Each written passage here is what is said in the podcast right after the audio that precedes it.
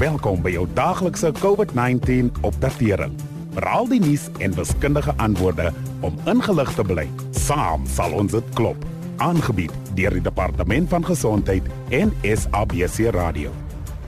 Na 5 maande van inperking en met byna 570 000 infeksies, kan Suid-Afrikaners dalk nou uiteindelik uitsien na 'n bietjie goeie nuus. Woensdag het die Suid-Afrikaanse Mediese Navorsingsraad gesê dat daar tekens is wat daarop dui dat die pandemie aan die einde van Julie sy piek bereik het. Met byna 11.500 bevestigde sterfgevalle as gevolg van COVID-19, toon die verslae nou dat ons amptelike sterftekoers besig is om te daal. Boonop is selfs oormatige sterftes aan die afneem. Daar is ook Woensdag gerapporteer dat die nasionale koronavirusbeheerraad en die kabinet albei geadviseer is om die verbod op die verkoop van sigarette en alkohol op te hef en die land na vlak 2 van die nasionale inperking af te bring. Na verwagting sal president Cyril Ramaphosa hierdie week sy besluit daaroor aankondig. 'n Verdere verslapping van die inperking is krities noodsaaklik vir die herstel van ons ekonomie. Daar lê vir ons 'n moeilike pad voor met die heropening van besighede, die skep van werk en die vermindering van werkloosheid. Maar hoewel die ekonomie mag begin normaliseer, moet baie gesinne die feit hanteer dat hulle in die tyd geliefdes aan die dood moes afstaan. Vandag gesels ons met ons gas oor die impak van die pandemie op begrafnisse en ons vermoë om te rou oor mense wat gesterf het. As jy na afloop van vandag se insetsel enige vrae het, sal een van ons kundiges op ons Sikaba COVID-19 Facebook bladsy beskikbaar wees om verdere raad en hulp te verskaf.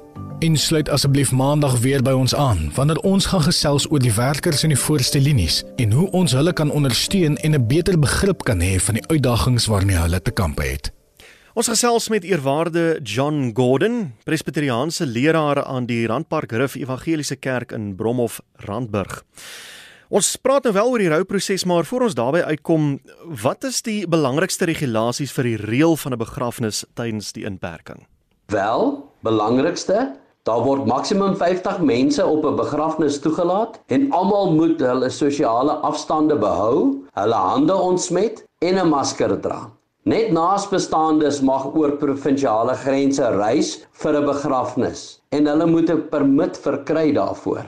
Daar's nog baie meer regulasies. Vra net jou begrafnisondernemer of kry op gov.za daar op die geel blokkie aan die regterkant te klik wat sê alert level 3.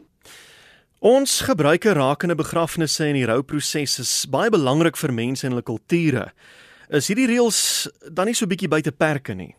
Dis heeltemal te verstaan dat baie mense ongelukkig voel oor al die regulasies, want begrafnisse help ons om die rouproses te verwerk. Maar terselfdertyd moet ons almal veilig bly en verantwoordelik optree. Waar mense die reëls geïgnoreer het, het begrafnisbyeenkomste die infeksiesyfer laat opskiet en meer sterftes veroorsaak.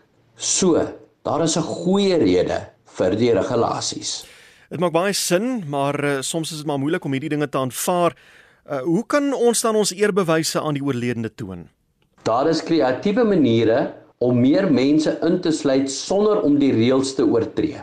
Sommige begrafnisondernemings saai die diens in tyd uit of maak 'n video-opname of jy kan iemand vra om spesiale oomblikke op hulle telefoon op te neem en met die familie te deel. Mense beperk ook die risiko deur by 'n afgesproke plek verby te ry waar hulle hulle ondersteuning wys deur te waai, toeter te blaas of 'n paar woorde met die familie te wissel.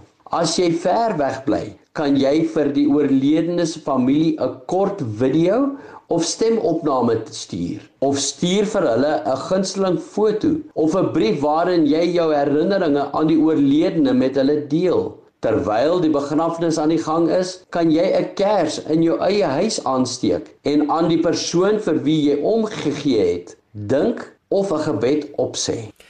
Hoe kan ek mense wat treur ondersteun gegeewe die regulasies oor sosiale distansiering? Rou kan 'n een eensame ervaring wees en nou met COVID-19 kan ons nie eens mekaar besoek of hulle omhels of hulle hande vashou nie. Dis baie vreemd en hartseer. Soms is dit die beste om dinge eenvoudig te hou. Jy kan sê, ek wens ek kon jou nou 'n drukkie gee. Dit wys jy gee om En dit herinner almal daaraan om selfs in hierdie hartseer tyd hulle afstand te hou. Of jy kan hulle net laat praat. Dit is ook reg om sommer net goeie herinneringkies of selfs snaakse staaltjies te deel ter nagedagtenis aan die persoon wat gesterf is. Daar is geen reëls as dit kom by hoe om mens voel nadat jy iemand verloor het nie. Almal treur op hulle eie manier en ervaar baie keer 'n mengsel van emosies. En waar jy nie teenwoordigheid is van so 'n persoon wat rou en daardie persoon wil huil, laat dit toe, laat daai persoon huil. Ek glo daardie trane is trane van genesing. En terwyl ons nou so gesels oor die dood, hoe bekommerd moet ek wees? Suid-Afrika het 'n lae sterftesyfer vir COVID-19. Slegs omtrent 2% van positiewe gevalle wat minder is as die wêreld se gemiddelde. Maar om hierdie persentasie laag te hou, moet ons aanhou om versigtig te wees. Ons maskers dra, ons hande te was en as ons kan, by die huis te bly. As mense voel hulle benodig meer ondersteuning, waar kan hulle dit kry? As die hartseer jou onderkry, skakel gerus Lifeline gratis dag en nag by 0861 322 322. Kululeka Grief Support bied ook berading vir kinders en tieners aan. Jy kan meer inligting daaroor kry by kululeka.org. Jy kan ook Active Grief Community se Facebook bladsy volg waar jy kontak kan maak met 'n aanlyn groep mense wat mekaar ondersteun op hulle reis na genesing. En dan natuurlik moet nooit vergeet, jy kan altyd jou pastoor of jou dominee of jou predikant kontak. Hy sal enige tyd met jou sit en gesels en luister om te help met jou genesing van die rou. Hierdie was uh, eerwaarde John Gordon wat dan vanaand met ons gesels het.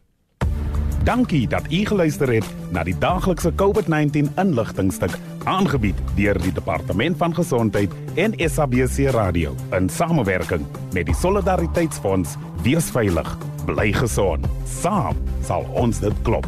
Suid-Afrika.